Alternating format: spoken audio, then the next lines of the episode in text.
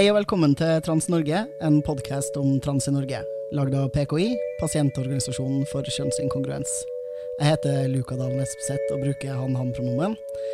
I dag så har jeg med meg en gjest.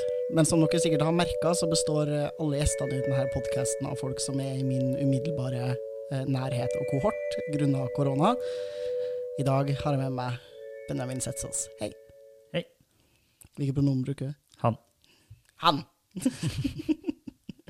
I dagens podkast skal vi snakke om Hva skal jeg kalle det? Sosial smitte. I dagens podkast skal vi snakke om sosial smitte av trans. Det som blir spørsmålet i dag, er kan man bli smitta av trans? Hvordan skal det i så fall foregå, og hva er konsekvensene av denne smitten? Jeg antar at de fleste av lytterne våre har fulgt transdebatten eh, og sett på alle de argumentene mot transfolk som innimellom dukker opp der. En av de tingene som mange snakker om for tida, er eh, det man kaller sosial smitte av trans, som er en annen slags idé om at du kan bli trans av å være på internett eller å omgås transfolk. Jeg kommer ikke til å liksom komme med en sånn lang akademisk avklaring om sosial smitte og historiske sammenhenger, men det er jo verdt å nevne eh, at dette er ikke første gang i historien man dehumaniserer en gruppe med å kalle dem syk eller smittsom, eller på andre måter framstille dem som en trussel for allmennhetens ve, vel og helse. Jeg tror at ideen om sosial smitte akkurat når det kommer til transfolk, henger veldig sammen med eh, rapid onset gender dysphoria, som er et begrep som en transfob dame lagde etter å ha gjort en spørreundersøkelse blant transfobe foreldre, eller transnegative foreldre, om hvordan de opplevde sine barn og deres transidentitet. Um, og da ble det veldig fiska etter spørsmål om hvorvidt de her unge transfolkene forut for å ha kommet ut, har tilbringt tid på internett, vært sammen med andre transfolk eller lest mye om trans. Eh, og da kom det jo fram i det studiet at ja, eh, mange transpersoner har lest om trans. altså, det, er for vanskelig.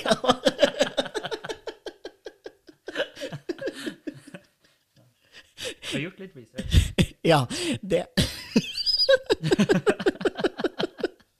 Det viste seg at flere transpersoner hadde gjort research på trans før de kom ut, og at vi har snakka med andre transfolk. Ja, eh, og som en hver god forsker da, så har man da altså konkludert med at her har trans blitt overført via wifi. Og muligens også 5G. Hvem vet? Hvem vet? De er så dumme. De er bare sånn Oi, her tenker du at du kanskje tilhører en minoritet som ingen i familien din er. Mest sannsynlig. Ja. Så da kanskje du har sjekka om noen andre har noe info eller kunnskap eller noe. Det ville jo vært lurt. Ja, det eh, de her transnegative folkene har observert, da, er altså da at eh, transfolk har gjort research på trans før de kommer ut. At mange transfolk eh, omgås andre transpersoner. I tillegg så har man også da sett, samtidig med at internett kom, og at det her har skjedd, at det har blitt flere transfolk, tilsynelatende. Så da tenker man at det er en smittsom og trendy ting eh, å være trans, og at eh, man rett og slett bare kan bli det da, av å være for mye på internett og lese for mye. Jeg har også sett folk komme med sånne gode eksempler. sånn her, Anki Gerhardsen skrev det her i en Aftenposten-kronikk en gang. det var sånn her, Hvis du tror du er trans, du må ikke finne på å google 'Am I trans', for da kommer det opp 'yes' som et av de første svarene i Google. ja, eh, jeg håper jo og tror Jeg har såpass tiltro til ungdommen at jeg tenker at hvis du lurer litt på hvem du er, da, så, så kan det godt hende at du googler spørsmålet 'Am I trans?', men det er ikke sånn at du er ute etter et enkelt ja eller nei-spørsmål. Og hvis noen har lagd en sånn tullememe hvor det står 'fordi du har tenkt på det, så er du det', at du bare er sånn 'ok, men da er jeg det'. Men er det noen som har spurt cis-ungdommer som har sjekka på internett om de er trans, og etterpå funnet at de ikke er det? Er det noen som har snakka med dem, eller har vi bare snakka med dem som har konkludert med at de er trans? Vi har bare snakka med dem som har konkludert at de er trans. Ikke sant? Så man har jo ingen innsikt i at det å lure på eller ha tanker om eget kjønn kan være en sånn prosess hvor man oppsøker kunnskap og informasjon og ender opp med konklusjonen. Nei, det er jeg ikke. Mm. Kjenner du noen sånne, Benjamin? som Jeg har- kjenner flere. ja, Altså, ja. ja. eh, Det går an å komme seg ut av internett eh, og ha funnet ut at man ikke er trans. Det er faktisk helt sant. Man kan til og med man kan være på både Twitter og Tumblr og fortsatt være cis etterpå. Til og med YouTube. Ah. Ja, du kan klare. Til og med hvis du havner i et skikkelig trans rabbit hole på YouTube, så kan du komme ut på andre sida som sist. Det er ganske mange folk som viser til prosentvis økning i antallet transfolk som liksom henvises til kjønnsbekreftende behandling og utredning, som et sånn bevis på at det her må være en sånn ja, supertrend, da, hvor, hvor det finnes en slags form for sosial smitte. Det er ganske spennende hva folk anser for å være en trend. Jeg har liksom alltid tenkt at Altså, hva tenker du, Benjamin? Hvor mange må gjøre noe for at det skal kalles en trend? Jeg Vet ikke. Jeg, jeg tenker liksom at hvis noen promille av befolkninga gjør noe, da, så er det vanskelig å kalle det trendy. Og her snakker vi jo i, i de Altså I de tallene jeg viser mest til, som er i Storbritannia, hvor de slår opp sånne store overskrifter med vi har hatt 4000% økning i antallet ungdommer henvist eh, til utredning for hvorvidt de er trans eller ikke. Så er det sånn Ja, og det er fortsatt 0,3% Ja, for 4000 er veldig imponerende, men det er jo fra liksom 7 til 10. Altså, det er jo ingenting. Nei, nei, det er ingenting. Ja da, det er mange år hvor det liksom Ett år var det to, og neste år var det fire, og folk bare Det er 100% økning, hva skal vi gjøre? Og selvfølgelig, når man i utgangspunktet hadde tre, fire, fem stykker i året, og nå har noen tusen, så blir det noen tusen prosent økning. Men det er fortsatt en ekstremt liten fraksjon av befolkninga. Jeg skulle liksom ønske at de kom opp med en slags plausibel forklaring da, på denne hypotesen sin, som de bare har kasta ut. Da. Og det som vel gjorde at jeg liksom Det som vel er årsaken til at akkurat denne podkasten blir lagd akkurat i dag, er at de her transnegative folkene nå har krevd at vi beviser at det ikke foregår sosial smitte av transfolk. Ja, for det er det, det er det som er rett og rimelig, ikke sant? De slenger ut en påstand, vi sier det stemmer ikke, og så sier de bevis det. Og hvis ikke vi klarer å slå i bordet med noen håndfaste forskningsbevis på at trans ikke kan smitte via internett, så er påstanden deres sann. Men jeg lurer på en ting. Mm. Fordi når de snakker om den der enorme økninga, og de snakker om smitte på internett, så har jeg utelukkende hørt om det med transmenn. Jeg har ikke hørt om noen som snakker om sosial smitte av transkvinner. Nei. Er, kommer det inn i den der eh, misogonigreia med at vi er bare stakkars små jentebarn som må forsvares fra å skade vår egen kropp? Ja, altså det er jo en veldig sånn Kvinner og barn er de sårbare som vi må beskytte som samfunn. Og fordi de anser liksom transkvinner for å være menn, så driter de basically i dem. Men det som jeg syns er liksom gjennomgående i alle samtaler om transfolk, da, er at man bryr seg veldig, veldig mye om transmenn og transmaskuline folk under 18 år. Med en gang du tipper 18, så er alt fokuset for samtalene om transkvinner. Det er sant. Og det, det handler jo nettopp om denne ideen om at er deres idé om hvem det er som er kvinner og barn, og hvor sårbare kvinner og barn er. da.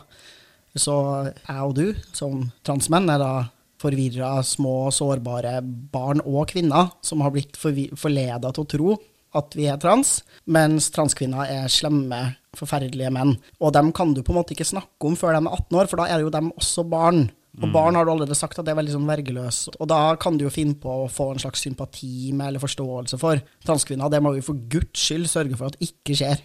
Det har altså blitt lagd en punktliste, rett og slett. Jeg tror den kan utvides i det vide og det brede, men det her var noen av de første tingene jeg og Benjamin og for så vidt eh, Viljar Eidsvik skrev om på Facebook, som var liksom det første vi kom på når noen sa at vi er nødt til å motbevise at trans smitter på internett. Um, ja. For det første, bevisbyrden ligger ikke på oss. Det er altså helt absurd å framsette en påstand om at du kan finne på å bli trans eller bytte kjønnsidentitet av å være på internett, omgås transfolk eller se at transfolk eksisterer. Hvis det er noen som skal bevise noe her, så er det dem som sier de tingene her. Men jeg føler at i alt av den såkalte transdebatten så ligger bevisbyrden på oss, da. Det er det samme som at det er transkvinner som måtte stå til ansvar for potensielle sismen sine overgrep mot andre i garderobene, f.eks. Ja. Det er jo bare nok en gang at det er vi som må ta ansvar for at cis-folk er jævlig. Ja, vi, vi må ta ansvar for alt med cis-folk. Vi må ta ekstremt ansvar for følelsene deres og opplæringa av dem. De klarer ikke å gjøre noen ting selv. Altså, De klarer ikke å lære seg noen ting eller oppsøke kunnskap på internett. Når de blir calla ut på at de sier transfobiske ting, så må vi etterpå sitte og ivareta følelsene deres og hvor vondt det var å bli kalt transfob. Eh, og så sidestiller man det. Ikke bare sidestiller det, men si faktisk rett ut at det å bli kalt transfob er verre og vondere enn å bli utsatt for transfobi. Definitivt. Det syns jeg er fascinerende uempatisk. Sånn helt faktisk fascinerende uempatisk, at du tenker det. Men det går bare inn i, grupp, inn i liksom rekka av cis-folk er mer verdt enn transfolk. Akkurat som én feilbehandla cis-person er verdt 1000 ubehandla transpersoner. Ja, definitivt. Det er jo noen flotte eksempel på den ja, grunnleggende transfobien i samfunnet, da, som er så gjennom, altså den gjennomsyrer samfunnet så ettertrykkelig at jeg syns det er artig at vi er nødt til å drive og forklare eller forsvare at vi sier at noen ting er transfob. Eh, Jeg får lyst til å si alt er transfobt. Det er sånn her. Ja. Enkelt og greit. ja. Og da må dere gjerne si at jeg har vanna ut begrepet, men det, det orker ikke jeg å ta ansvar for. Jeg får lov til å si transfob som jeg vil. Transfob, transfob, transfob. Transfob.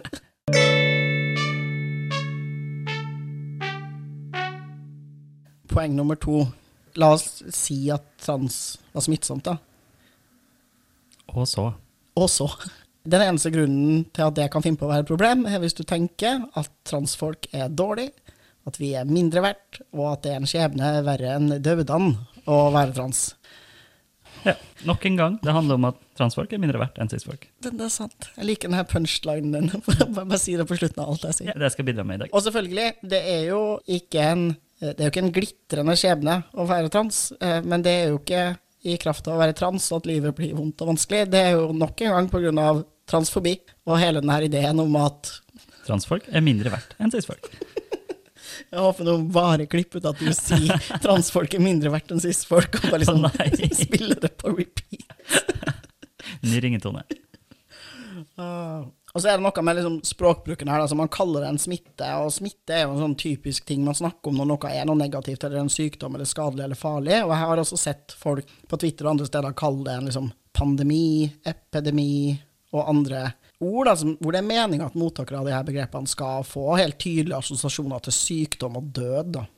Så er det jo verdt å nevne da, at folk er trans. da. Det er liksom en ting som skjer, som er sånn som den er. Mm, og det har alltid vært sånn. Og ja, det stemmer, flere folk er åpne om at de er trans nå. Flere folk er også åpne om at de er venstrehendt nå. Altså, det blir mer aksept for det i samfunnet, det blir mer rom for at folk kan være åpne om hva de er, og så blir mer folk åpne om Ja. det de er. Mm. Så poeng nummer tre. Jeg syns det er veldig fascinerende at mennesker, eh, cis-folk da, i hovedsak når jeg sier mennesker her nå, men det mener jo cis-folk ofte at det er akkurat det samme.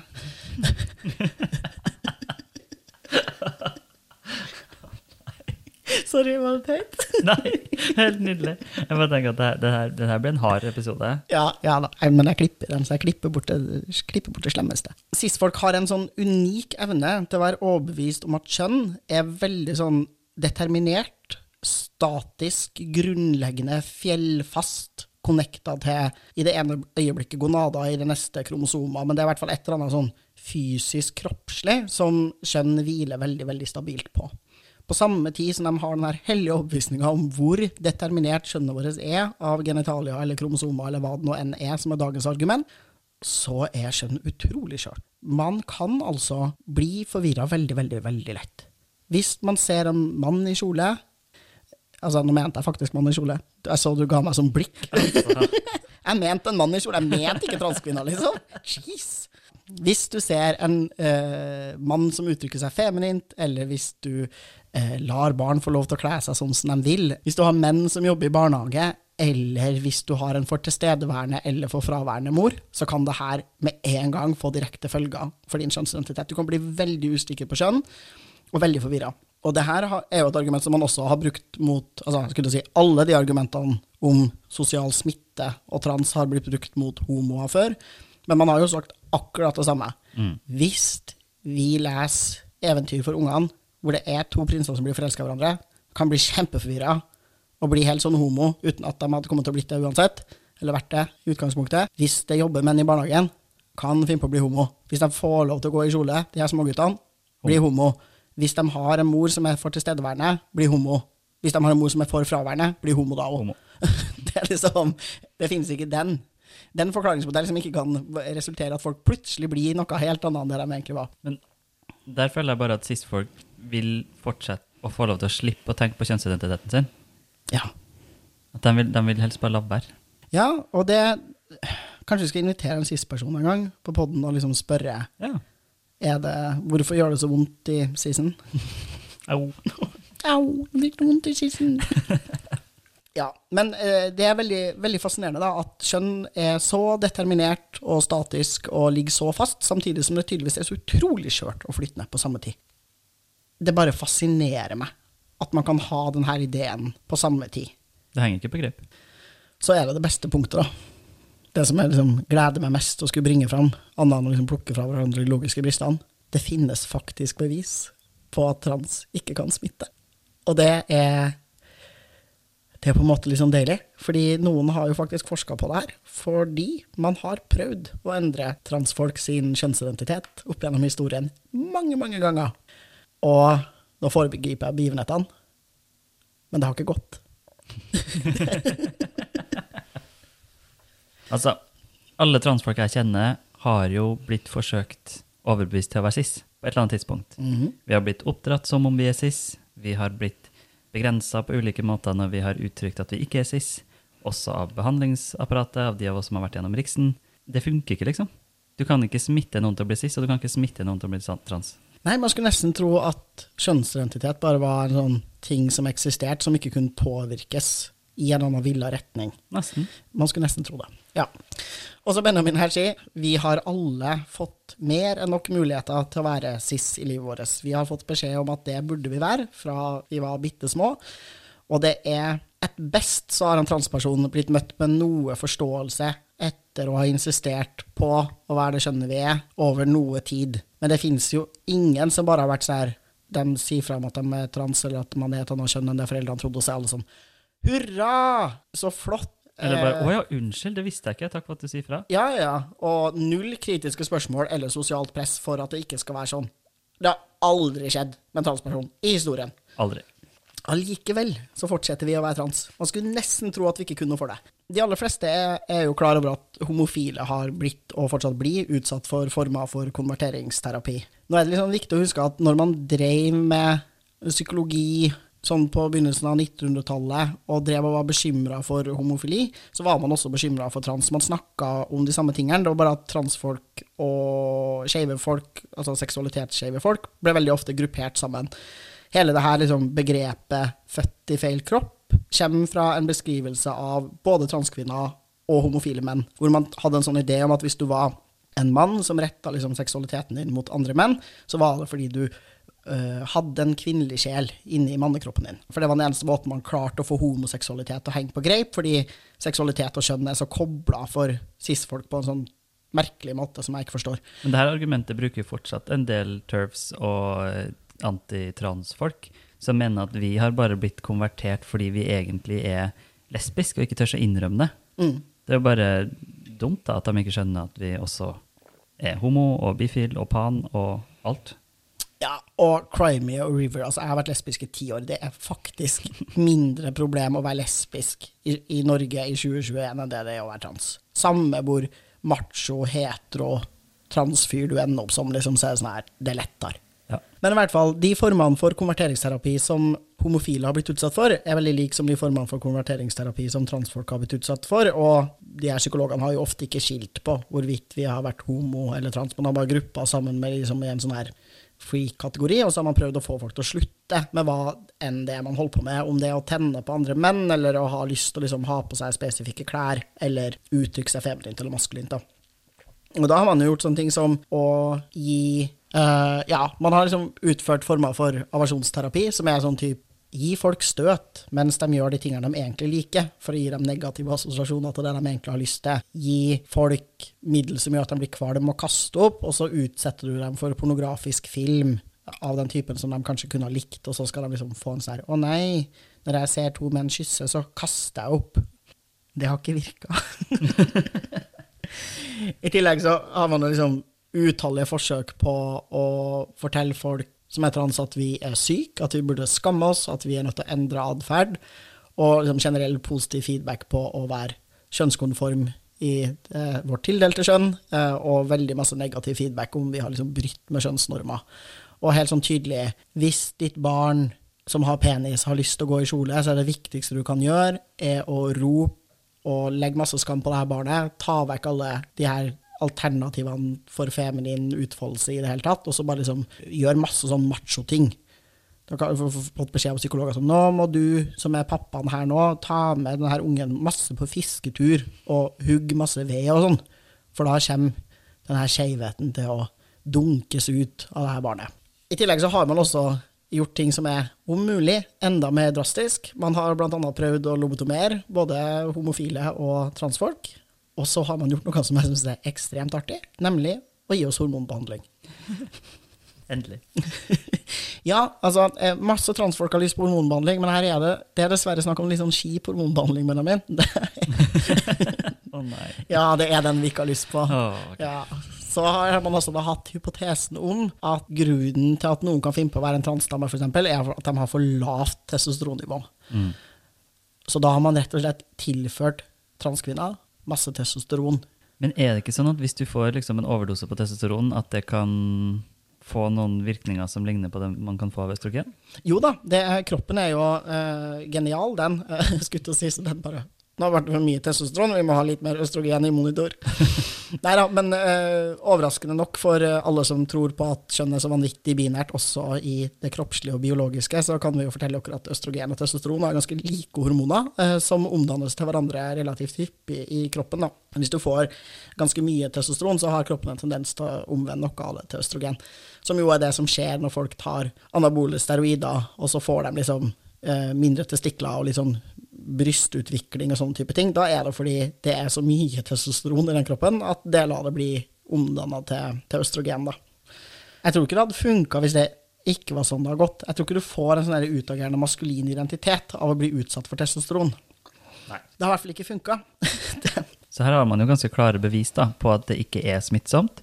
Ikke engang hvis du aktivt prøver, både med liksom, eh, sosial og psykologi og medisiner. Du mm. får ikke til å gjøre folk trans, og du får ikke til å gjøre folk cis. Det stemmer. Og likevel sitter vi her og er nødt til å forklare hvorfor det ikke er smittsomt, fordi det er vårt ansvar. Ja, det er vårt ansvar. Det, og det ansvaret må vi ta på, på, på alvor. og det, det gjør vi jo nå. Vi lager jo en hel podkast hvor vi, vi, vi, bærer det her ansvaret på våre skuldre. Kjære cis-folk, vi hører dere. Ja. Vi ser dere. Vi tar dere på alvor, og nå skal vi fortelle dere det her går bra. Det går bra, du kan ikke få trans. uh, ja. Men jeg lurer helt på ordentlig, jeg har ikke hørt noen snakke om liksom transkvinner og smittsomt. Nei. Det går jo inn i bare den misogyni-greia. Ja, det gjør det, men det handler jo også bare om denne ideen om at det her skal skje når du er ung. ikke sant? Og du ja. kan ikke snakke om transkvinner før de er 18. Men jeg syns det er litt rart at transmenn får liksom aldri være Altså, vi er jenter, og så er vi menn. Jeg har aldri hørt noen si liksom transgutt. Eller altså, jeg har hørt transfolk si transgutt, men jeg har aldri hørt cis-folk si transgutt. Nei, altså da kaller de oss bare jenter, da. Ja. Små Eller nasjonsdøtre. Nasjonsdøtre, små vergeløse tenåringsjenter mm. med store psykiske problemer. Ja. Du må ikke glemme de store psykiske problemene. Stakkars. Ja. Og da er det fort gjort å tro at man er trans. Det er sant. Ja. Og by the way, hvorfor får cis-folk lov til å være psykisk syke, men ikke transfolk? Nei, det er en av de mange privilegiene de har, det. er det fordi cis-folk er mer verdt enn transfolk? Det er, ja. Ja, for det er jo det er, Jeg tror det er lenge siden jeg har hørt om noen som hadde liksom en 13 år gammel cis-gutt som sleit litt med sosial angst. Så var sånn Kanskje det er fordi han er jente? Ja. ja. Mest sannsynlig. Ja. Han har vel vært på internett. Ja. Så det jeg også har sett folk si, da, er jo at um, det er helt plausibelt å snakke om sosial smitte fordi det her er beskrevet som et fenomen som kan skje i andre tilfeller.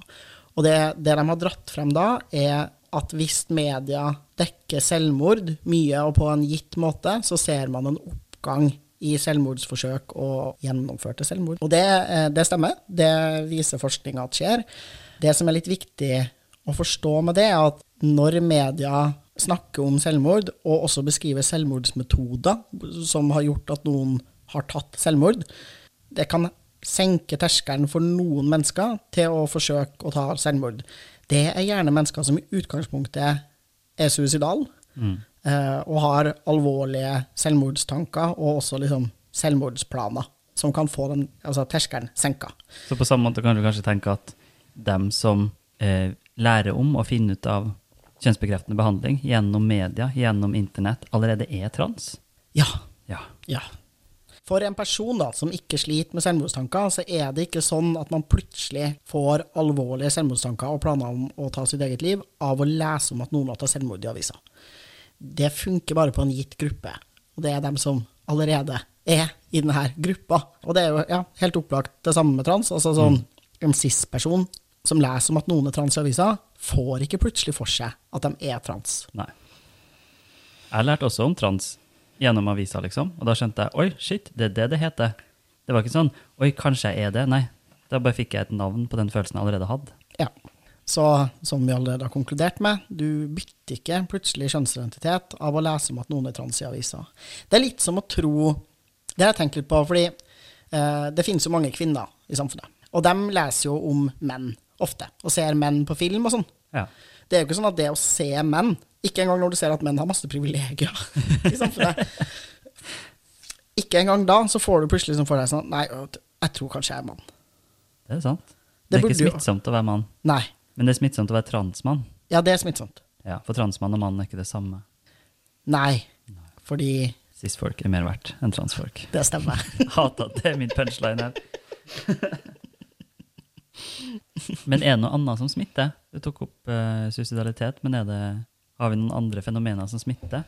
Nei, så Det man ser, er at en del mennesker som uh, sliter med spiseforstyrrelser, og sånn, kan få trigga og forverra dem av å henge i fora hvor det blir veldig oppmuntra til og, uh, og heia på, da, og hvor man får liksom tips til hvordan du kan lure folk til å ha et lavere kaloriinntak enn det det tilsynelatende ser ut som.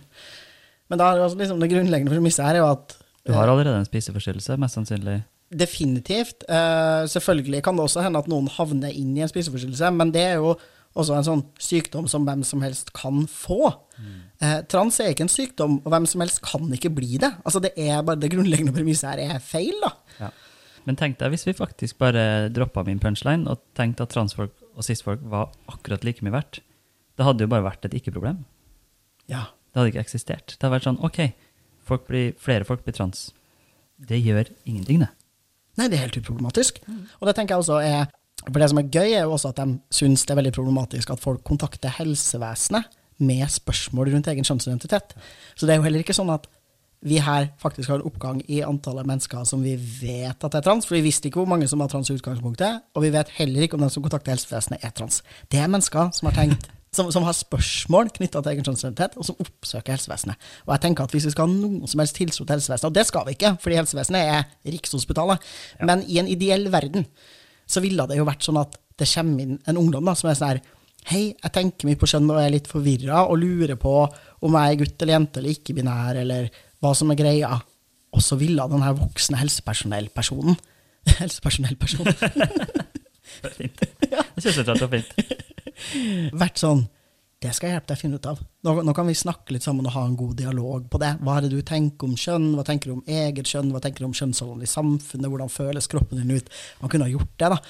Og så vil man jo da etter hvert bli sikrere på om man er trans eller cis. Fordi selvfølgelig, jeg skal ikke late som om det ikke finnes noen som er usikker på om de er cis eller trans. Det er ikke nødvendigvis et svart-hvitt, helt tydelig klart svar for alle, nettopp fordi kjønn unektelig er en litt flytende og diffus masse, i tillegg til at transfolk jo blir utsatt for veldig stort press om å være sist, da, sånn at du skal på en måte ikke bare finne ut av om du er trans, gjerne, men du skal gjerne finne ut av om du orker å komme ut. Ja, om du er trans nok. Ja.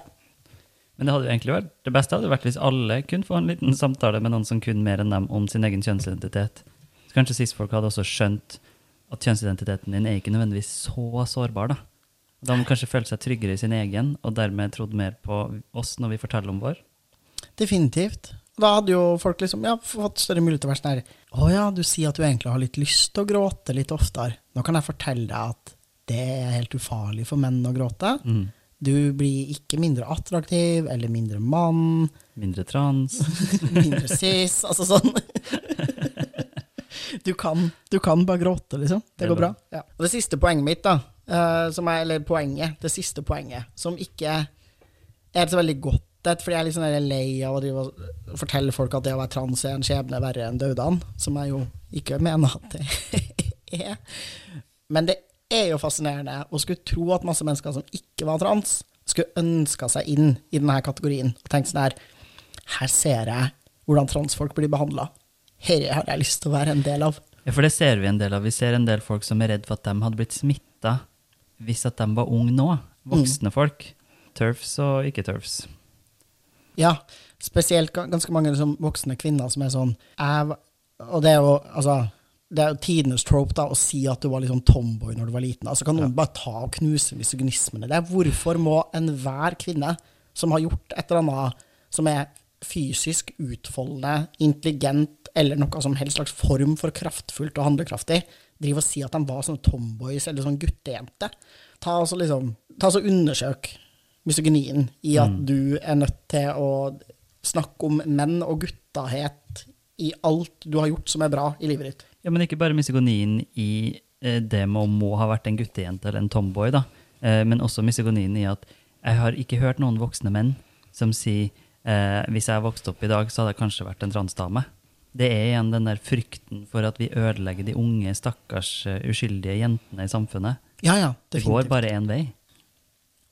Man må jo tenke at hvis noen skal ha lyst til å late som de er trans, eller eh, liksom ønske seg inn i, i trans da, uten å være det, så må det være et eller annet som ser veldig attraktivt ut med å være trans. Og der har jeg sett at de her transfobe folkene da, snakker om at sånn, ja, for jeg har sett masse YouTube-videoer med folk som sier at de hadde problemer, og så transitiona dem, og så nå sier de at livet er fint.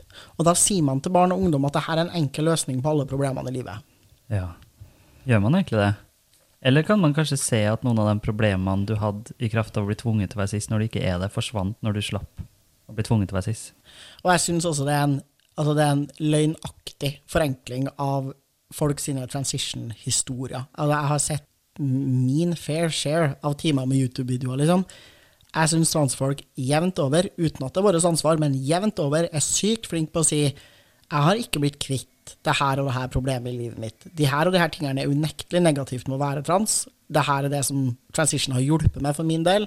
Jeg er tryggere på meg selv, jeg har funnet hvem jeg er, jeg lever et bedre liv fordi jeg faktisk lever i tråd med egen kjønnsidentitet, som er et ganske sånn grunnleggende behov vi mennesker har. Det er også bare ikke sant da, at noen har framstilt det å gjennomgå en medisinsk transition som en lettvint løsning på noe som helst. Nei. Eh, Det er den beste løsningen på å være trans og ha liksom dysfori eller et ønske om å endre kroppen sin. Men det er ingen som har sagt at det er en løsning på noe annet enn akkurat det spesifikke, ganske store problemet. Ja, så konklusjonen er ikke Cis-folk er mer verdt enn transfolk? Nei. Nei. Konklusjonen er Trans er ikke smittsomt. ja. det stemmer. På akkurat samme måte som cis ikke er smittsomt. Mm. Mm. Ja, for det er så enkelt som det. Trans er ikke smittsomt, og cis er ikke smittsomt. Nei. Men kan vi tvinge cis-folkene til å bevise at cis ikke er smittsomt? Eller de har jo allerede gjort det, ved å prøve å gjøre oss til cis, og feila. Ja, så jeg skulle til å si. Men uh... Please, ikke prøv mer. nei, å gud, la meg La være. ærlig. ikke prøv å tvinge meg til å være cis. Det hadde egentlig vært en bedre hashtag enn den der 'jeg kjenner en som er trans'. Hashtag 'jeg er lei'. Jeg er drittlei. Så jævlig lei. Kanskje vi skal ha smittefest? Å, det har vært gøy. Vi prøver.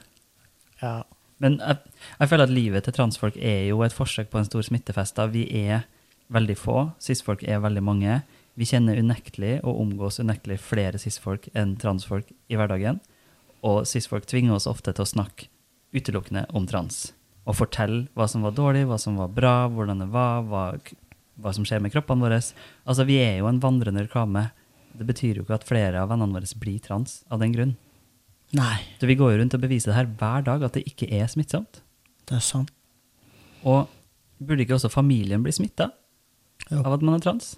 Å ja, men her må ikke du glemme at på Riksopptalet så blir du spurt om hvor mange familier som er homo og trans. Det er helt sant. Mm. Det som jeg tror er smittsomt, er jo transfobi.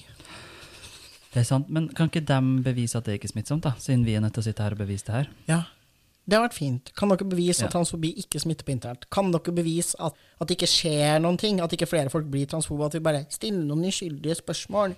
Og bare ytringsfrihet oss litt? Tusen takk for at du var med i dag, Benjamin Setsås. Takk for at jeg fikk være med. Veldig artig å være her og snakke om trans med deg. Herregud, jeg glemte å si at du er kjæresten min. Det hadde jeg egentlig tenkt jeg skulle introdusere deg med. eh. Benjamin og kjæresten min. Sånn skal jeg klippe inn på børjan. Jeg syns du skal ha så, så, sånn flash inni her, Ja. sånn at jeg blir kjæresten til alle. For det er smittsomt. Benjamin er kjæresten din, han er kjæresten din. Jeg heter Luka Dahl Espeseth. Takk til Martin Skjold for den nydelige Trans Norge-musikken. Takk til Salam for at vi får låne utstyr til å ta opp denne podkasten. Følg Trans Norway på Spotify for å få med alle episodene av Trans Norge. Spre ordet om podkasten hvis du liker den. Følg PKI på Facebook og Instagram, og meld deg inn i PKI på nettsiden vår sjonsinkongruens.no.